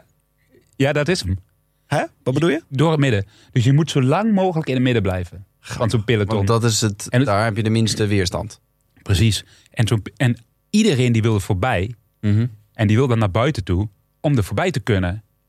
Maar dan, op het moment dat je dan voorin bent. Dan fiets je tegen die windmuur op. Dus word je eigenlijk weer terug naar achteren geblazen. Dus Ja. daarom moet je, als je, zolang je in het midden blijft. Omdat iedereen naar buiten wil. Opent zich uiteindelijk een gat in, eh, in het midden. Hè? Dus dan, maar dan zit je op de tweede, derde, vierde rij. Maar je, je blijft daar wel. En dat gat dat opent zich altijd op een bepaald Ja, moment. ja. En dan komt er altijd een momentje dat je even vanuit het gat, zeg maar, de dwars tussendoor kunt schieten. Maar dan moet je op vertrouwen. En heel veel renners durven daar niet op te vertrouwen. Want als het niet En gebeurt... Morkov wel. Ja, Morkov die durft dat. En Ja. die blijft gewoon zitten en die kijkt en die blijft rustig. En dan zie je, zo'n zo'n peloton is bloednerveus. En dat is het mooiste van de koers Milan Sanremo. Die is zo nerveus en je moet, en je moet daarin zo rustig blijven. Eh, dat, dat is mooi. En ik weet nog bijvoorbeeld, Bettini zei altijd... En dat, dat was toen ook de allereerste, dat kan me nog altijd herinneren. Als je naar de Cipressa rijdt, heb je op, aan de, op een gegeven moment aan de linkerkant een klein parkeerplaatsje. En daar kun je overheen. En dan ben je voorin. Oh ja. Dus als je, als je, dat, als je dat weet, dan blijf je in het midden van de peloton. Blijven, blijven wachten, wachten, wachten, wachten. Doordat je ongeveer weet, oké, nu komt die parkeerplaats. En dan schuif je iets om naar links. En dan op het laatste moment zie je de parkeerplaats. En dan duw je naar links en dan ben je er voorbij. En dan zit je vooraan op de Cipressa. En, en je, dus je moet bij de eh Cipressa moet je in ieder geval zorgen dat je niet te veel wind pakt daarna Nee. in het dal. Nee. Maar als je echt als ploeg voor de overwinning rijdt, waar moet je dan zitten aan de voet van de Poggio? Moet je dan helemaal, helemaal voor, zo voorin mogelijk? Of Ja, bij de, bij, de eerste, bij, de eerste, bij de eerste tien. Want- echt, dat is ja. echt cruciaal. Ja. Gewoon eerste tien echt. Ja, omdat je die eerste paar, twee haarspelbochten... zeg maar, eh, die, die zijn al eigenlijk al bepalend. Want dan moet je heel veel energie voor, voor doen, zeg maar, om eigenlijk van voren te blijven. En het kan heel even zijn dat daarna het heel even, even, even stokt. En dan zou je nog eventueel van achter iets kunnen goedmaken. Maar dan heb je al, heb, dan heb je al een paar honderd meter op het lint gezeten. Volledig aan blok. En dan kun je al alleen al... Dan kun je alleen nog maar in het peloton blijven, zeg maar. Dan wordt demareren al heel moeilijk. Tenzij je natuurlijk Pocaccia reed. Ja, Ja, nou want, want dat... eh, Wanneer is Pogacar uitgeschakeld? Kunnen we dat ook zeggen? Als hij, als hij op de honderdste stek rijdt, is hij dan uitge- uitgeschakeld? Ja, zeker. Ja, ja, ja, ja. Op de dertigste stek ook. Oh ja? Ja, ja, vanaf dan- dan- 30, dan ja. is het eigenlijk... Vanaf 30 op de Poggio, dan... zit je te ver. Dan, kun, je alleen nog, kun je alleen nog hopen op de sprint. Ja. Want eh, nou, laten we even kijken naar de, de odd bij de boekies, bij Toto. Ehm, het is, wat opvallend is, is dat het halve peloton op dit moment bronchitis lijkt te hebben. Iets wat mij zeer bekend voorkomt. Ik heb er vaak last van in de Ja? winter. Oh. En eh, ja, ik dacht, nou, dit is niet iets wat de professionele wielrenner heeft. Maar Alaphilippe en eh Cobrelli, eh, allebei om die reden afgemeld. Wat betekent dat Jacobs meedoet. Hey, Interessant. Interessant. Maar die komt de potje toch niet over, Bram? Of- Zeker. Zeker. Kan de potje overkomen. Ja, Ja? ja? Ja, ja, ja, ik ben ervan overtuigd. In de eerste groep. En, Nou, maar Jacobs gaat niet bij de eerste tien zitten, toch? Neem ik aan op de Poggio. Ja, vooraan wel. ja, de, Misschien. de Quickstep heeft natuurlijk een fantastische ploeg bij zich. Dus, ik bedoel, eh, neem uh, Stibar. Hoe vaak heeft hij de Milan Sanremo? Als iemand het kan, is hij het. Ehm, Dus Jacobs gaat met Stibar ergens rondom de tiende plek zitten. Dat is goed voor hem. daar, daar, ga ik wel een beetje van, daar ga ik wel een beetje van uit. Kijk, eh, Jacobs is iemand die heel goed kan volgen. En ik- dat is wel mooi. Ik, eh, ik sprak ik Jos ook even. En die zei uit zichzelf... Die Jacobsen heeft zo'n sprong gemaakt dit jaar. Die reed in Valencia, de ronde van Valencia... reed die echt heel goed bergop. En ja, eh, Parijs-Nice was hij ook, was hij ook gewoon echt goed. Ja. En dat, eh, ja goed, op een gegeven moment die Jumbo's die met z'n drieën weg. Maar daar wordt hij best wel heel laat gelost. En dat, is, dat, dat was echt wel knap van hem. Dus ik denk dat hij zeker, zeker als hij, als hij op de kapos denkt... Oh, ik heb goede benen. Mhm. Ja, dan gaat er een knop op in die sprinters. En Mhm. eh, hij gaat dat kunnen. Ik ben ervan overtuigd. Nou, het is, eh, eh, laten we even door de lijst van favorieten heen lopen. Eh, Wout van Aert eh, staat nu op 3 3,20 euro als eh, grote favoriet. Pogacar tweede, 6,10 euro. Nou, Hm. dat is ook een koers waarin Wout van Aert en Pogacar de twee favorieten zijn. Ja. Vind ik al leuk om te beginnen. Jasper Philipsen derde, 20 euro. Philip, Philip Ganna vierde. Ganna. Filippo Ganna, dat is toch eh, onverwacht. Maar ja, Ja, maar wel als hij gat heeft. Ja, ja. Hè, ga, ga hem maar halen. Als hij als je beneden komt in de, vanaf de potjo en hij zit erbij en hij rijdt weg. En heeft hij nog eens een keer die motoren voor zich. Knappe vent wie hem gaat halen. dat is het Ja. Ganna, Ganna scenario. Ja, dus een kan Ja. scenario. Dat is ook leuk. Maar en zou, dat, zou hij dat voor elkaar krijgen om daar een gat? Of moet hij dan in die afzink, zeg maar een beetje zoals Stuiven vorig jaar? Ja, zoiets hè. Ja. Dus eh, op het moment dat je op vlakken komt, van achteruit, wam. Ja. Met, eh, met 80 per uur, dan kan die. 80 per, per uur kan hij rijden. Ja, dat denk ik wel. Na die afdaling wel. Hij wel. Terwijl die over theorieën aan nadenken is en filos aan het filosoferen. Ja, en met zo. Ja, het is Ja. echt ongelooflijk. Dit Ja. allemaal tegelijk. Eh Jacobsen eh, vijfde. Jasper Stu- daarna Jasper Stuyven. Sagan. Mohoric. Nizzolo. Matthews. Merlier. Valverde. Aramburu. Christophe en Kwiatkowski. Daar ben ik even tot doorgaan. Kwiatkowski is 100. Ehm, Daar zou ik ook niet op inzetten. Nee. Toch? nou ja, dus Kwiatkowski en Ganna. Ze, ze- ik ben benieuwd. Pitcock rijdt ook nog mee. Hè? Ja. Die- Waarom staat die er helemaal niet bij, joh? Dat is eh, interessant. Dat is wel, Wel, is-. Ook best wel een kandidaat hè. Ja. Hij, zou, hij kan ook nog gewoon Rogli- Roglic, Pogacar, eh Van Aert Volgen, volgen op de, ja. eh, Ja. op de potjo. En hij is super rap natuurlijk. En kan nogal dalen ook. En zo, Ja. toch? Ehm, Ja. Ik snap Maar- niet helemaal. Wel, ik zou hem echt wel veel meer kans geven dan Michael Matthews bijvoorbeeld. Die echt achteruit rijdt, toch? Al een seizoen Missie, lang. missie proppen ze die er net nog tussen zo dadelijk op het laatste moment. Ja. Ja, maar ja, dan moet je nu scherp zijn. Hè? Ja. Dat is eh, het belangrijkste. Maar Matthews is ook hard gevallen natuurlijk. Ja. Dus die is, eh, ja, het is sowieso niet heel erg in vorm daardoor. Maar eh, van aard hebben we een heleboel scenario's. Maar wat ik interessant vind is ook, wat is dan het scenario Pogacar? Wat, wat gaat hij doen? Gewoon op de, Harder dan de rest. op de Poggio? Nou, hij, hij rijdt momenteel natuurlijk zo verschrikkelijk hard... dat hij zou kunnen proberen om echt op de Cipressa gewoon echt weg te rijden. En dan, dan zijn er twee of drie die hem kunnen volgen. Nou, daar is Roglic één van, en Van Aert. En ehm, eh, Ja, Roglic heeft ook maar één opdracht. Dus, eh, Po- dat, is, dat is Pogacar volgen. Maar is het niet... eh, zou je niet, als je Jumbo was en Quickstep... als, als eh, Pogacar gaat op de Cipressa... laat hem lekker spartelen? Of niet? Nou, Dan heeft hij dat dal om, om al zijn energie eh, eh, op te maken. Ja, dat zou, je kunnen, dat zou je inderdaad kunnen zeggen. Maar je moet dan wel, dan moet je, en dat is, dan moet je wel mannen gaan opofferen al op de Cypress. Want je mag, Ja. hem, je mag hem ook geen minuut geven. Hè, of, Nee. of, of, of 40 seconden. Want dat, dat weet je bij hem gewoon niet. Nee. Ja, die rijdt met zo'n frivoliteit, rijdt hij zo. Ja. Hij is, hij, wat we net zeiden, hij zou het nog kunnen, bij wijze van Ja. spreken. Hè. Het is de enige renner die zoiets kan. Dus jij zou wel zeggen, Roglic eh gaat Moet, mee. nee, Roglic moet Jij gewoon zegt mee. Roglic. Weet jij meer dan wij, of niet? Nee, hij zei- Nee. jij zegt Roglic. Ja, ja. Ja. ik zeg Het valt mij op dat dat- Ja. Na. Maar als je naar de podcast van eh Laurens ten Dam van naar Live Slow Ride vast luistert, hebben ze het ook de hele tijd over Roglic. Het zijn toch renners uit het peloton.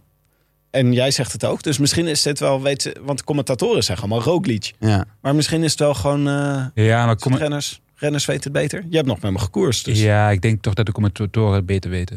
Die hebben ervoor gestudeerd en zo. Oh, ja. Ik hoorde ook veel renners Kwiatowski zeggen. Kwiatowski.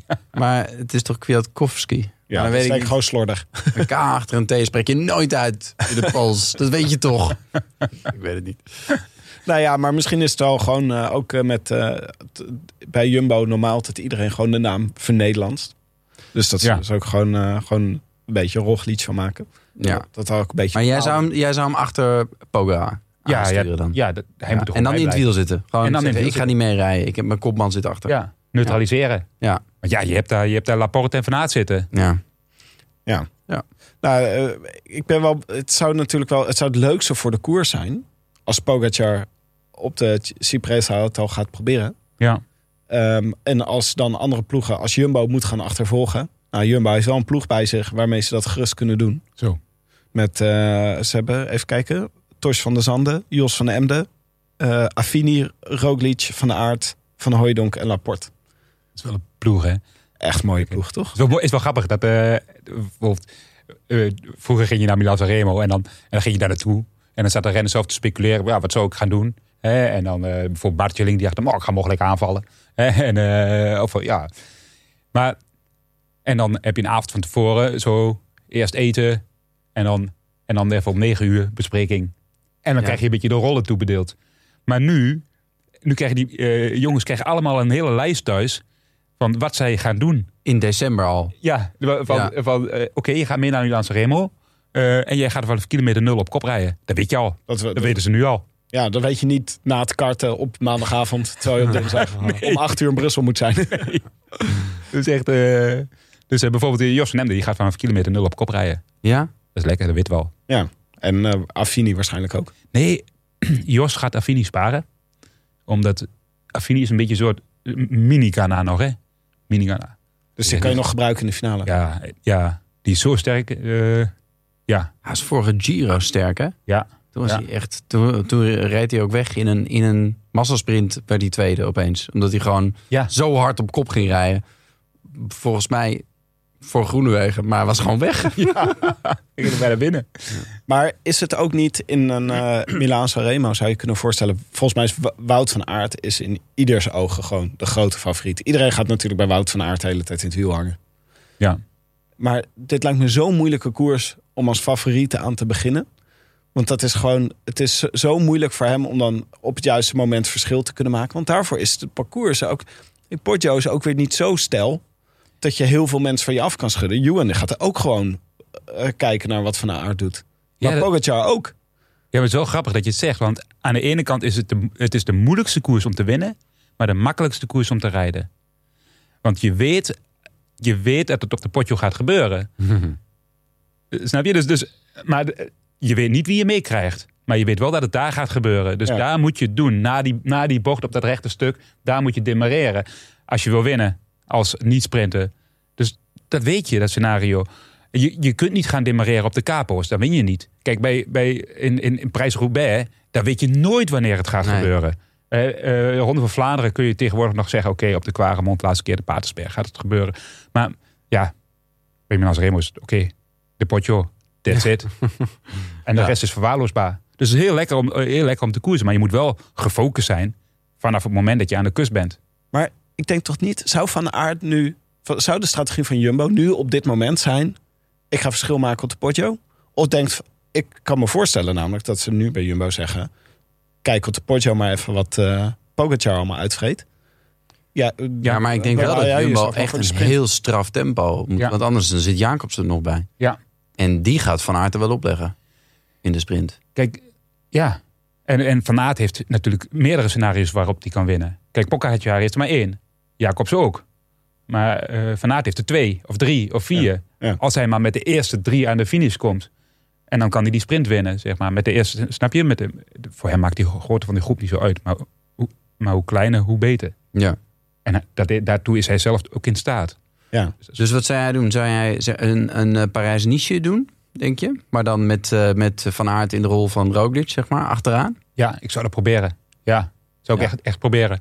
Gewoon, dat is hoe vet zou dat Zou zo vet Wacht even, even, wat is dan de strategie? Met Nou, dat is bij dus elkaar gewoon eh, het tempo maken, tempo maken, tempo maken. En dan eh, volle bak de Poggio op. Dus, eh, in in eh, informatie. Ja, En eh, dan heb je, als, eh, dan heb je eh, Laporte en Roglic als laatste. Die, en Van Aert zit gewoon in het wiel. Kijk maar wie er, wie er nog bij zit eh, Ja. boven. En dan, ga je in het, eh, dan ga je de, doe je de afdaling. Dan kijk je beneden wie er nog bij zit. En als er nog steeds iemand bij zit, dan doe je tijdritje. Ploegtijdritje naar de finish. En ze kunnen het. Want ze hebben Affini en eh even Hooijdonk die echt wel naar de Poggio zo hard kunnen rijden. Dat er gewoon niet- eh, die echt die mannen af kunnen zetten. Nou ja, en dan hup die Poggio op. Gewoon Ja. Oh, daar verheug ik me op. Dus gewoon een keiharde Jumbo poet op de Poggio. Ja. Dat lijkt me wel En wie denk jij dan dat er nog bij zitten? In het wiel? Nou, dan denk ik toch dat daar natuurlijk uiteindelijk een Katja bij zit. Ja. Eh, ja, dat, zullen we, dat zal ook wel een Pitcock wel bij zitten. De, ja, daar heb je er al, heb je er al twee, twee kandidaten genoemd. Eh, nou, niet zo, ik niet zo heel veel als je dan... eh, nee, nou ja, goed. ehm, ehm, ja, goh, er zullen er altijd wel een paar verrassingen bij zitten. Maar Ghana? Ghana, ja, dat, Dan gaat het te hard, hè? zeg maar, als, als iedereen eh, echt zijn niveau haalt daar. Ja, dat denk ik dat het laatste stukje voor hem. Kijk, hij is natuurlijk een tijdrijder. En, je moet, en, en, en, en, en de lastigheid van de Poggio is niet de steltegraad, maar zijn die bochtjes. Dus dat je telkens uit het bochtje, daar heb je van die haarspeelbochten, en daaruit moet je optrekken. Ja, Hij is hij natuurlijk is een nadeel. Hè? Hij is Ja. wat zwaarder en wat logger. En hij moet Ja. vooral hebben zo'n grote plaat rijden. Dus, Ja, eh, maar dit is niet... En ik ben benieuwd naar Ewan. ja precies. Dat wou ik als laatste nog vragen. Ja. Ewan, zit die er nog bij? Ja, nou ja, goed. Vorig jaar eh, wel. Echt zo makkelijk reed hij. Ja. En ik denk dit jaar ook wel. ehm, is niet Ja. zeker of Valverde erbij is. Oh, wel. Die is Nee, hij, is, eh, hij gaat officieel nog niet mee. Hij gaat nog niet naar eh Milaan Sanremo. Het zou wel kunnen als hij er wel is, dat hij op dat, op dat moment er nog bij zit. Misschien wel Horic. Ja. En de, en de voorspellingen? Oh, die hebben we al gedaan, hè? Die hebben we al Oh, ja. gedaan. Ik zal ook nog even, even voor de record.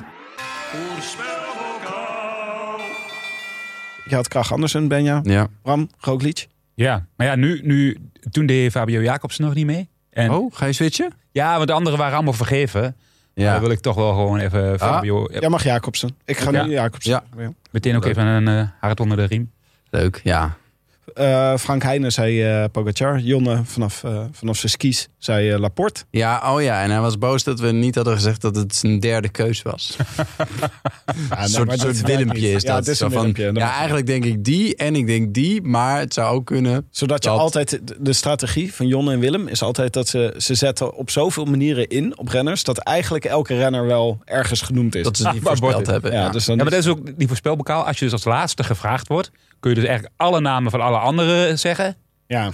Maar, En dan zeggen, nee, die zijn al vergeven. Oh, Ja. dan doe ik die. ja, maar kijk, dat is dus ook, Ja, precies. Ja. Dan heb je wel iedereen genoemd. ja, dat is slim om te doen. Dat is een, eh, maar het is ook het, het, een, een beetje ongeschreven regel van de voorspelbokaal vind ik toch. Dat je niet de favoriet bij de boekies gaat lopen voorspellen. Ja, ja. Dus het is gewoon eh, Wie had... Wie had, wie had eh, Van Aert. Ja. Maaike. Maaike. Maaike? Oh, Maaike zit eh, thuis trouwens. Maaike is er niet bij. Nee, die heeft eh corona. Ja. Is die meestal hier ook bij ons in de studio zit. Maar die, eh, die, is, die is ziek. Er kwam wat kritiek op onze lijst. jij had Ewan. Oh, ik had Joen. Ja, ik vergeet mezelf. Ja. Er kwam wat kritiek op onze lijst. zoals, waar is Pedersen? Nou, Gewoon in Denemarken. Oeh, Of, die doet niet mee. of ik weet niet waar hij woont of traint. Maar hij doet is, niet mee. die is eh, garnalen aan het eten in Denemarken. Zo'n zakje. Dat is zo lekker daar. Eh, Sagan wordt gewoon niet eens genoemd. nee. Mm, ja, moet eraan lopen. Toch? Wil hij mee zijn? wil hij winnen. Maar vorig jaar vierde, hij mag me verrassen. Kijk, als hij wint, geweldig toch? Ja, zeker. Ten eerste is het een hiaat op zijn erelijst, wat hij dan opvult. en ten tweede, heel veel, als hij weer op niveau meedoet, maakt het wielrennen veel leuker. Na Jacobsen misschien wel mijn favoriet. Als, ze de, eh, voor de overwinning zaterdag zou ik de, Als jij mag kiezen. scenario's. Ja, als ik zou mogen kiezen. Eh, je kan meedoen via vriendvandeshow.nl slash de Rode Lantaarn. Als je wint krijg je een pretpakket van Canyon. En je mag de goed, te, goed te doen in de podcast. Een pretpakket. Een pretpakket. Ja, dat de, kan je de, niks de over- duurste tijdritfiets. Hm? De duurste tijdritfiets. Waarschijnlijk. Dat zou, dat echt zou heel goed kunnen. Ja. Nee toch, dat is toch, dat is toch als je tijdrijden leuk vindt, dan ga je niet hard genoeg, toch? Dat is nooit een pretpakket. Oh ja, ja, tijdritfiets. ja, ja. Eh, maar er is, eh, het pretpakket heeft natuurlijk wel een klein beetje aan eh, aantrekkingskracht Ja. afgenomen sinds Easy Toys een pretpakket geeft Zo. voor, eh, voor, de, voor de overwinning van de koers. dus eh, ja, maar het Canyon pret, pretpakket is toch zeker de op één na leukste. Ehm, even kijken, we hebben nog de groeten van eh, de winnaar van de Tirreno Adriatico. Niet de winnaar zelf, maar degene die de voorspelbokaal goed had voorspeld. Of goed had ingezonden. Dat was namelijk Ardoisier Déranger. Die werd gekozen door notaris Bas van Eyck te Maden. Zijn echte naam houden we natuurlijk eh, geheim. Want eh, ja, dat zou het pseudoniem alleen maar afzwakken natuurlijk. Maar laten we even luisteren naar de groetjes. Eh, en we kunnen hem alvast feliciteren. Want, zo schrijft hij ons, zijn verjaardag valt tussen de E3-prijs en Gent-Wevelgem. Maar dan heb ik uiteraard geen tijd om met zulke futiliteiten als verjaardagen bezig te zijn, schreef hij ons. Ja, natuurlijk. Dus alvast gefeliciteerd. En laten we luisteren naar de groeten.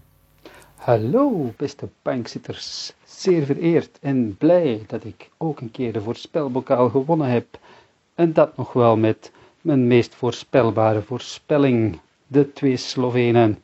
Ja, ja, Pocky en Rocky. Ik ben ze eeuwig dankbaar voor het eeuwige opscheprecht dat ze in mijn mandje geworpen hebben. Ter zake, wat betreft groetjes. Eerst en vooral hij die niet genoemd mag worden natuurlijk. De koning van de worstenbroodjes reclame. Zeer geapprecieerd.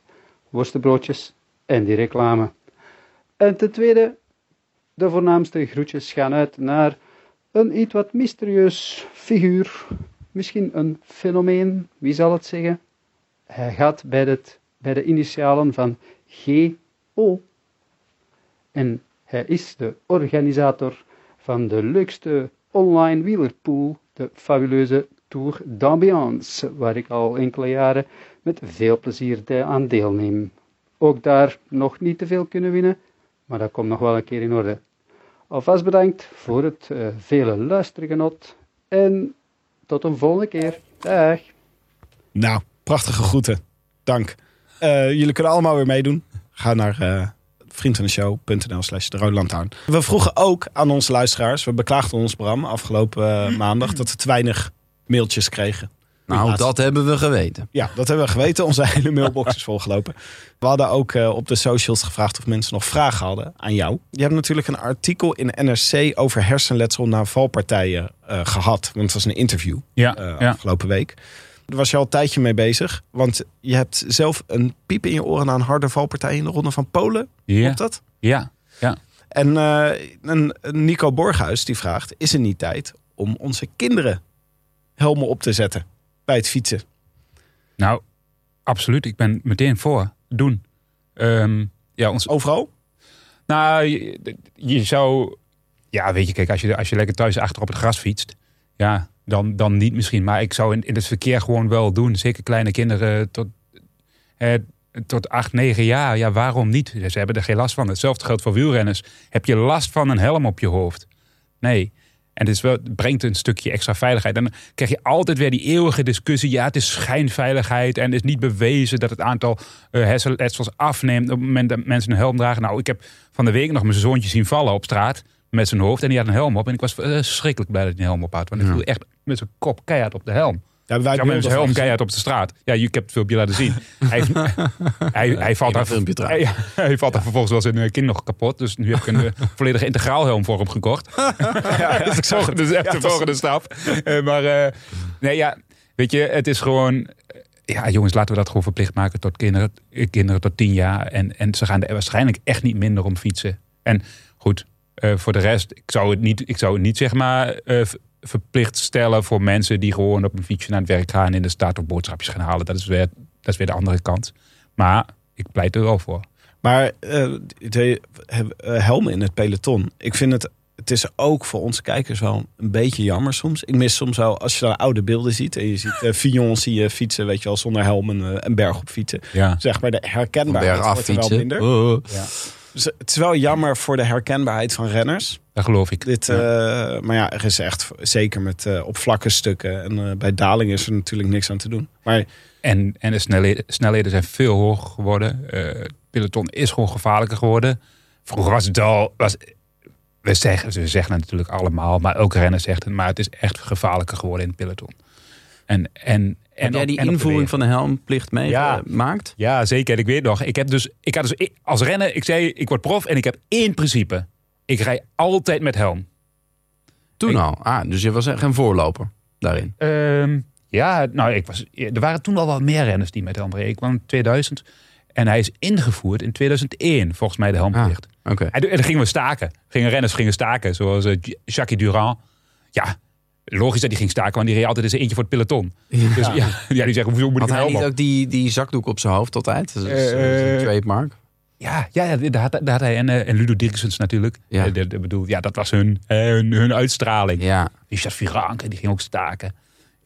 Ja. Maar we kunnen niet op de laatste berg, berg-finish, bergop. Berg, Helm afgooien. helm- Nee, maar dan, dat was ook zo potsierlijk altijd. Dat Ja. ze de hele US Postal ploeg zo voorop en zo stond er een verzorger die zo... Ja, die- die elke keer al die helmen toegeworpen. probeerde op te Ja, natuurlijk, maar dat was toch leuk? Dat, dat was ineens. eh, Ja, je wel, maar ook- gloves are off. Maar dan moet je opeens, de, de, dat eh, komt de herkenbaarheid ook niet ten goede. Nee. Want dan moet je opeens denken, hé, wie is nou die ene? Want dan heb je ze net herkend aan hun verschillende helmpjes. En dan, en dan moet je opeens denk je van, wat heeft die? Oh, die is kaal. Dat meen je niet. Ja. Eh, leidt alleen maar af. Ik denk ook onzin. En als iedereen gelijke monniken, gelijke kappen, als iedereen een helm op heeft, dan heb je toch ook, dan heb je gewoon een helm op. Dan is dat ook het punt niet meer, toch? Nee, ja, precies. Het is wel grappig dat eh, toen werd op een gegeven moment die regel werd ook afgeschaft. En toen eh, waren we in de Middellandse Zee. Toen gooide Johan van Zummeren gooide zijn helm af bij de verzorger. En die wist dat niet. En die werd uit koers gehaald. Ja, Ja, oh ja. Ik had wel de helm je dit. Voor het agressief gooien van een helm. Ja. Ja. Ja, ik denk wel dat het leuk zou zijn als eh, wat, ze, wat ze bij Jumbo nu hebben gedaan, die namen op die Ja. helmen. Dat is gewoon leuk, want dan kan je dus wat beter herkennen als kijker. Klopt. En de, ik Supergoed hoop idee. dat we dat, dat gewoon vaker gaan doen. Gewoon een beetje variatie in die helmen brengen, zodat dat gewoon goed eh, allemaal herkenbaar is. Ja, zoals eh, Wout van Aert herken je natuurlijk ook fantastisch goed met die Ja. schitterende helm. En anders dan, anders dan, eh, dan herken je hem niet natuurlijk. Dus dat is heel belangrijk dat hij zo'n Nee, helm maar die heeft heeft. een helm van, eh, voor de mensen die het niet weten, van Red Bull. Omdat hij daar persoonlijk persoonlijke gesponsord sponsor, ja. Ja. Maar die is wel vrij lelijk. Ja. Dat is wel jammer. Helaas. Ja, hebben ze iets leuks bedacht voor die helmen? Ja, wel herkenbaar. Dus ja. Ja, maar paintbrushen. Of, eh, je kunt er wel een mooie kunstwerk van maken, toch? Van elke helm. Ja, wat die, eh die eh shorttrackers allemaal doen. Ja. Itzak de Laat is geloof ik de, daar de specialist. Die kan allemaal hele mooie tekeningen maken op, op, Oh. op helmen. Dat zou leuk zijn. Misschien moet Jumbo dat voor de Tour doen. Om te vragen of hij alle helmen wil Ja. versieren. Ja, Ja. Ik weet dat de, de, de vrouw van eh, George Bennett, die maakt, eh, die personaliseert alle schoenen van renners. Heb je dat wel eens gezien? Oh ja? Die maakt hele vette tekeningen op schoenen. Oh, Met een soort watervaste eh, verf. Oh. Echt mooie, allemaal kunstwerken. Maar dan moet ze op helmen doen. Want dat en dan moet je leuk maar doen, want dan ja. zie je tenminste op schoenen zie je helemaal niet. Want die, is- ja, Ja. voor de helft van de tijd zie je de schoenen in het peloton niet. Maar een helm wel. Ja, wij waren heel enthousiast over de collab van de designers met, eh, met de ploegen om extra mooie shirts te maken. Weet je wat? Dat, eh, dat je vorig jaar had je EF Education die met dat skatemerk samenwerkte om Ah, ja. mooie shirts te maken. Dus dat zou, zou heel leuk zijn als dat vaker gebeurde. Maar misschien kunnen ze dat met helmen doen. Ik denk dat de UCI dat ook heel leuk vindt. heel veel geld verdienen. En, en, wel? Ja joh, je mag, je mag toch niks met je shirt doen. Dan Nee. krijg je weer boetes en zo. Ja. En, eh, maar Ja. dat vindt UCI wel fijn. Ja, houdt van weer geld. Ja. Eh, een vraag van Ruben Bel. Dat is een heel ander soort vraag. Maar ik ga ze hem even precies voorlezen. Of Bram zelf als ervaren renner tijdens een minder succesvol hoofdstuk in de Jumbo-ploeg... misschien dingen anders had kunnen doen... die voor meer succes in de ploeg toen der tijd had, hadden kunnen zorgen. Of misschien juist niet. En is toen het fundament voor het succes van nu gelegd. Dat tweede deel maakt de vraag een beetje ingewikkeld. Laten we het onthouden bij het eerste deel. Ja, ik snap. Had jij iets kunnen doen om het, eh, om het, eh, om het anders... om eh, door die minder succesvolle periode heen te komen? Nou, ik heb toen wel, wel echt mijn best gedaan om dingen anders te doen en voor elkaar te krijgen. Kijk, je kunt uiteindelijk alleen maar voor jezelf spreken. Eh, had ik had het kunnen fietsen toen? Mm, Nee. Ja. Sommigen zeggen van wel. Goed. Dus, maar ik, ik weet wel dat ik toen heel veel discussies heb gehad met Marijn Zeeman. En, en, en, en, en, en, eh, en ook bijna tot de ruzie toe eh, regelmatig. Over dat de ploeg terug moest naar de basis. En dat vooral hard fietsen belangrijk was. Want toen waren ze ook al heel erg bezig met innovatie. Alleen, dat kun je doen als je met Brian Boelgak rondfietst. Of met Barry Marcus. Ga je geen koersen winnen. en dat was het hele probleem. Er was gewoon geen geld op dat moment. Dus daar waren wij wel, dat was echt maar eigenlijk onze bottleneck. Ja. Geld. Dus begrijp ik goed dat jij dan op dat moment... Zij waren heel erg met de innovatie bezig. En dan zei jij van, jongens, dit heeft helemaal geen zin. Terug naar de basis. Nou, Moeten betere was- renners. ik was wel voor innovatie, maar niet om bijvoorbeeld eh, daar echt op te focussen. Op een gegeven moment gingen we, gingen we bezig met strooptesten. Wat voor testen? Strooptesten. Dat je dan op een fiets ehm, op een rollenbank moest gaan zitten. En dan kreeg je een bepaald beeldje telkens op het eh, scherm voor je, voor je ogen. Ik heb het nooit gedaan hoor, daarom kan ik het toen niet helemaal uitleggen. En als je dan aan het afzien was, eh, dan zou je dan dat beeldje weer voor de ogen hebben, waardoor je een andere ervaring had. Zoiets. Oh.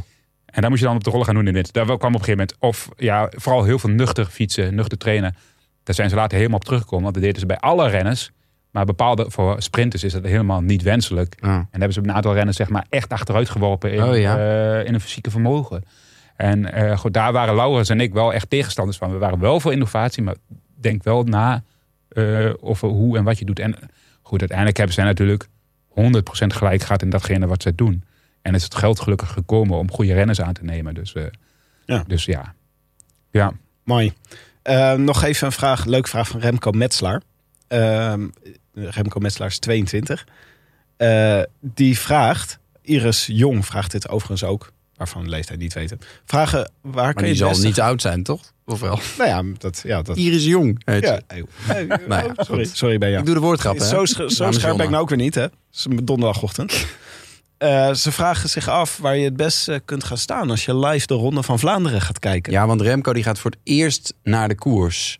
Toch? En daarom wilde je even tips. Dat vind ik echt een hartverwarmend idee. Omdat ik dat zelf ook heb meegemaakt. Dat je denkt, ik ga nu, ik ga nu wielrennen kijken.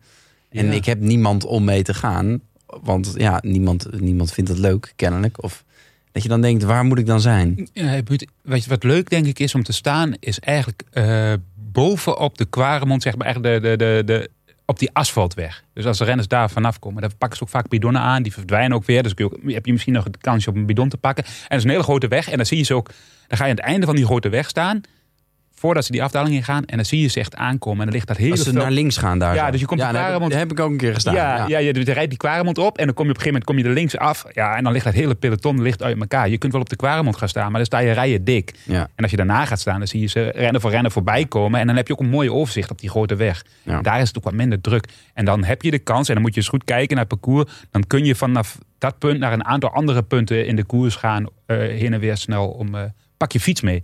Neem een fietsje mee. Eh, en zorg dat je, dat je verplaatsbaar bent. Hè. Eh, dus zet je auto ergens ver weg.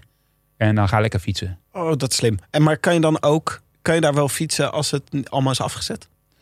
Ehm, nou, niet op de Kwaremond zelf, dus niet op de kasseien klimmen. Maar daar, je moet altijd zorgen dat je ervoor of ernaast staat. Om het, om het parcours heen kan je wel fietsen. Gewoon. Ja, ja. Oké, Is dat een goeie? uitstekend. Ja, zeer goeie. Ik ben nooit toeschouwer geweest.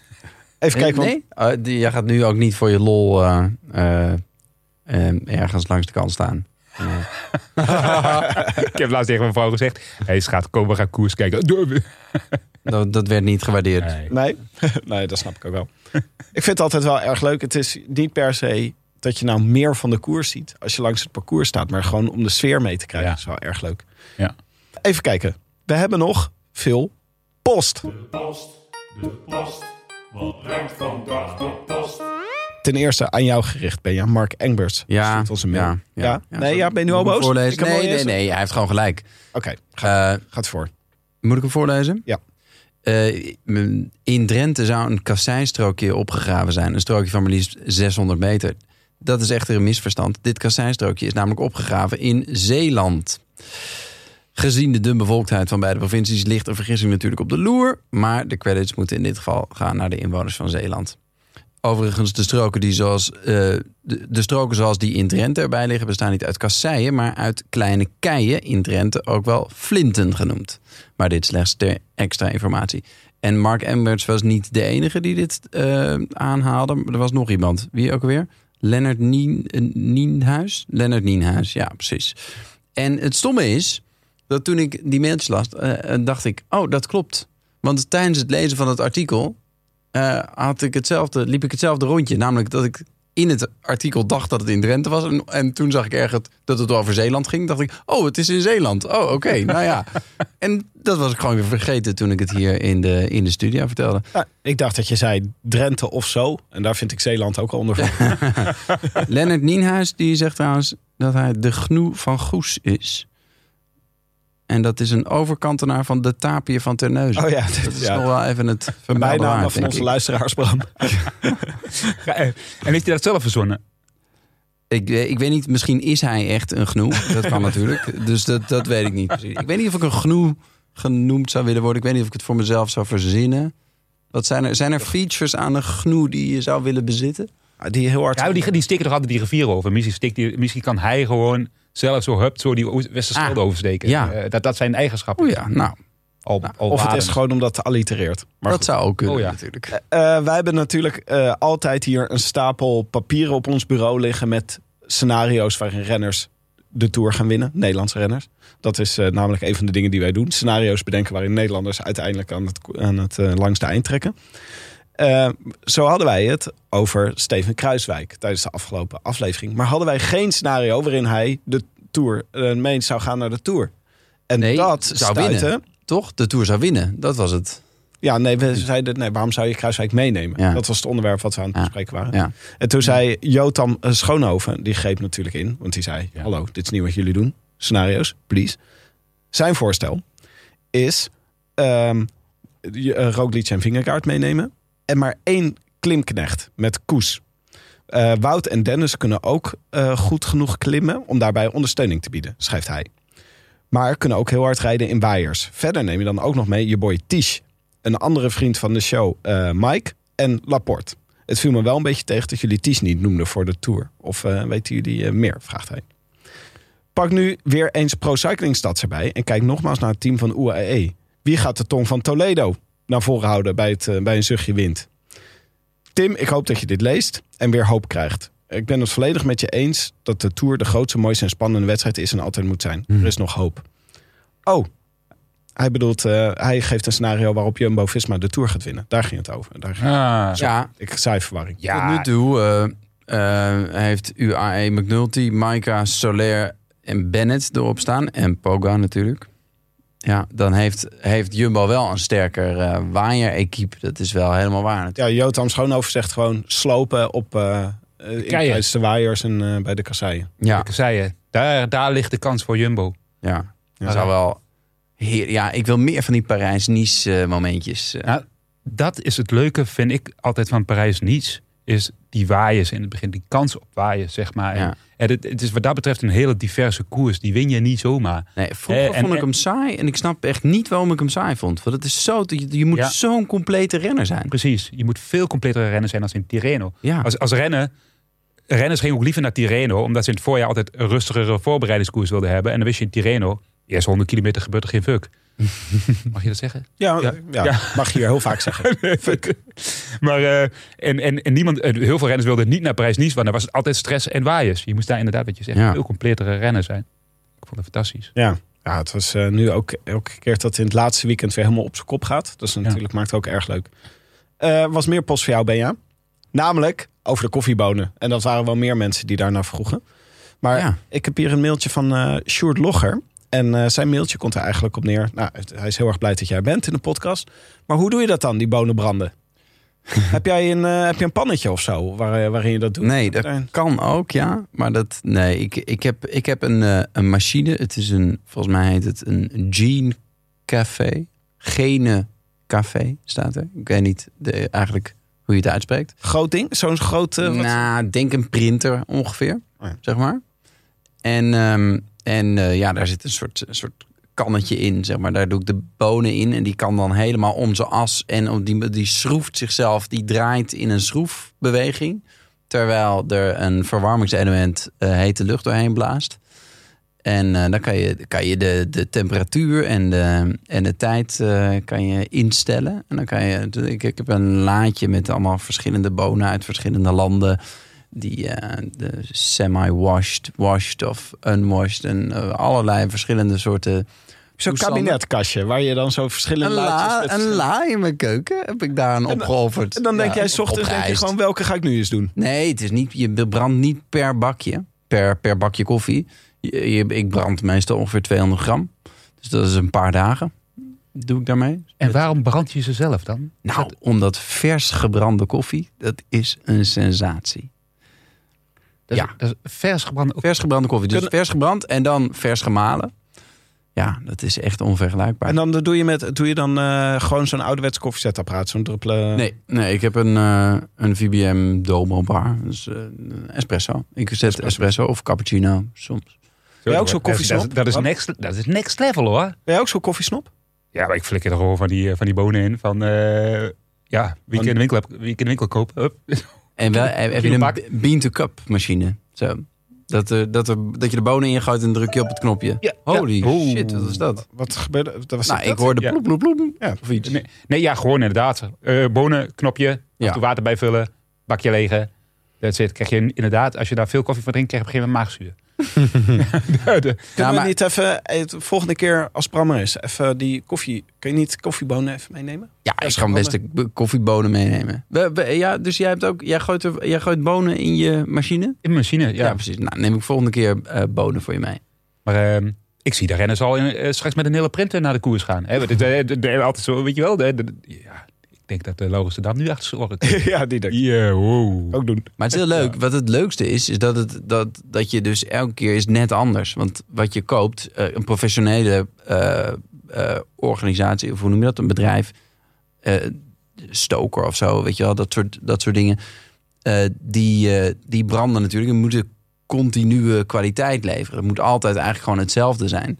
En ik, heb, ik, ik stel die tijd in en ik kijk dan en dan denk ik, ja, oké, nu zet ik me op stop.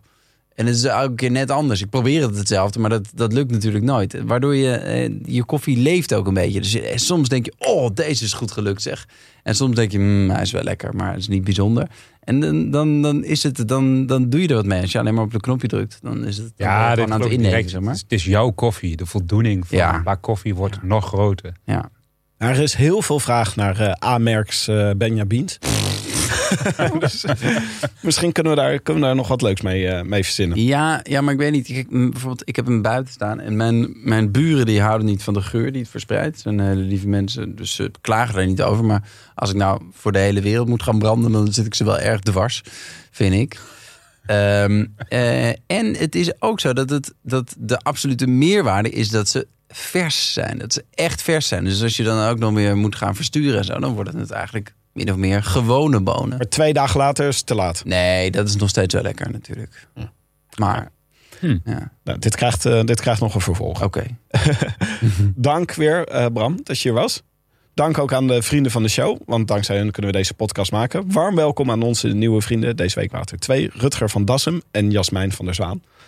Wil je ons ook steunen, deze podcast? Of wil je ons bericht sturen? Dat kan eh, via de roodlantaarnpodcast.nl. Websurf daar als de malle naartoe. Eh, je kan ons ook mailen op groetjes.roodlantaarnpodcast.nl. Eh, dit was het. Ook dank aan onze sponsoren eh, van deze aflevering. Canyon, Auto.nl en natuurlijk onze heimaat, onze vrienden van hetiskoers.nl. Wij zijn er weer maandag. Dan is Jonne weer terug van vakantie. En eh, blikken we terug op Milaan Sanremo. Goh, Lekker. zin in. Ja. Dan moeten de mensen dus wel een hele dag wachten. Want Milaan Sanremo is op eh, zaterdag, toch? Ja. Ja. Maar, ja, ja, maar we moeten uitgebreid de tijd nemen natuurlijk op maandag. Want dan kan Jonne weer klagen over die Milaan Sanremo niet leuk vindt. Daar heeft hij de ruimte voor. Toch is het een leuke koers. ja. Maar ik heb er toch ook wel zin in gekregen. Ja, joh. Eerlijk is eerlijk. Tot volgende keer. A biento. A biento. A biento. Goh, soepeltjes. I wish I could be in the south of France. In the south of France. Sitting right next to you.